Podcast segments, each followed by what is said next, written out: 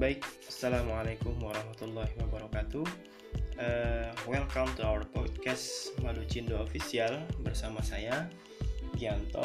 Uh, Pada kesempatan yang berbahagia ini uh, Saya akan sedikit coba untuk sharing Seputar kita itu begini ya Pada intinya di saat kita sedang berharap pada sesuatu hal maka ambil kemungkinan terburuk sekalipun tujuannya apa? Agar kita itu tidak bergantung secara lebih berat kepada apa yang kita inginkan. Jadi misalnya ini uh, bab soal mindset sebenarnya. Hmm, dalam kita menjalani sebuah bisnis kita akan dihadapkan dengan tiga hal. Yang pertama mindset yang harus tertanam dalam diri kita adalah bagaimana ketika bisnis yang kita jalani itu yang bakal, bakal yang terjadi namanya uh, pengembangan yang begitu luar biasa. Atau melejit ya besar gitu.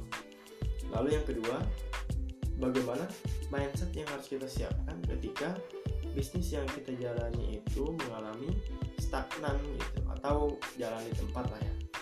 Dan yang ketiga itu ketika bisnis kita menjalani sebuah kebangkrutan.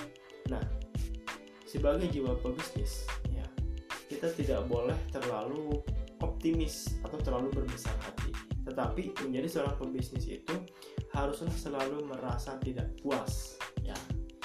Apa tujuannya? Agar uh, semangat belajar kita semangat kita untuk mempelajari lebih dalam tentang sesuatu hal misal tentang operasional tentang marketing dan lain sebagainya kita harus uh, akan memiliki jiwa perjuangan yang jauh lebih dalam lagi gitu.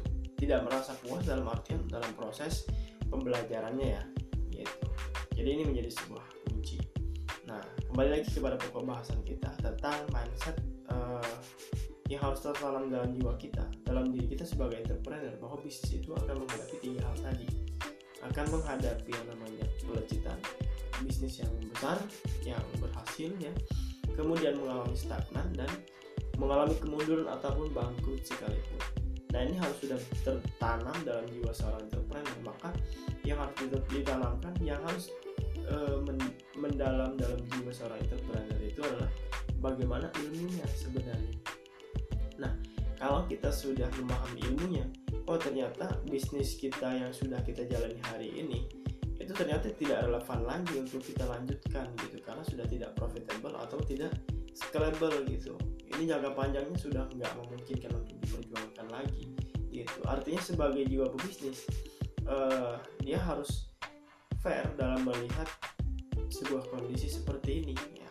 Contoh ada beberapa sebuah perusahaan besar atau mall-mall besar yang dia uh, sudah memiliki bargaining positionnya baik atau bargaining position di masyarakat itu begitu luar biasa. Anggaplah seperti hanya Ramayana. Ramayana itu contoh di Batu Raja itu tutup gitu plus. Mengapa? Ya karena sebagai jiwa pebisnis ber berkesimpulan artinya mengapa alasan ditutup? Karena boleh jadi tidak relevan lagi untuk menjawab kebutuhan di era sekarang gitu. Ya kan? Maka keunggulannya ketika kita sudah mengetahui ilmunya ini yang dikenal dengan winning formula. Nah kalau kita sudah mengetahui sebuah yang namanya winning formula kita tinggal jiplak aja bisnis kita mau di mana pun misalnya kita mau bisnis apa nih? Uh, madu cindo misalnya yang sedang berjalan hari ini. Oh ternyata 10 tahun mendatang itu sudah tidak relevan lagi gitu. Maka boleh jadi madu cindo tutup dan buka produk yang lain gitu. Atau misalnya uh, madu cindo sudah mengalami scalable dan autopilot ya kan? Otomatis kita sudah jenuh nih untuk menjalani bisnis yang sama. Nah boleh jadi kita bisnis yang baru lalu kemudian yang kita lakukan adalah mencari produk yang sudah kira-kira laku di pasaran. Ya sudah karena kita sudah mendapatkan sebuah winning formula ya kan? Dan ternyata produknya juga laku di pasaran kita winning produk ya sudah atau konsumen juga secara konsumen kita sudah bisa mengetahui siapa target market kita dan lain sebagainya. Artinya kita sudah menguasai tiga hal winning formula yaitu bagaimana sebuah sistem yang bisa kita jiplak di mana pun produk bisnis apa pun kemudian kita mengetahui core produk yang kira-kira bakal uh, apa namanya laku dan banyak diminati oleh konsumen.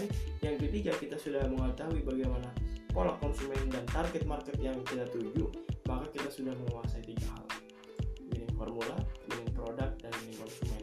Mudah-mudahan dengan pola ini dengan winning formula yang kita ketahui yang kita punya itu bisa kita bawa di bisnis apa pun dan di mana pun. Itu baik terima kasih. Itu sekitar sharing dari saya. Mudah-mudahan ada manfaat yang bisa kita ambil. Mohon maaf segala kekurangan. Sampai jumpa di podcast saya selanjutnya. Terima kasih. Assalamualaikum warahmatullahi wabarakatuh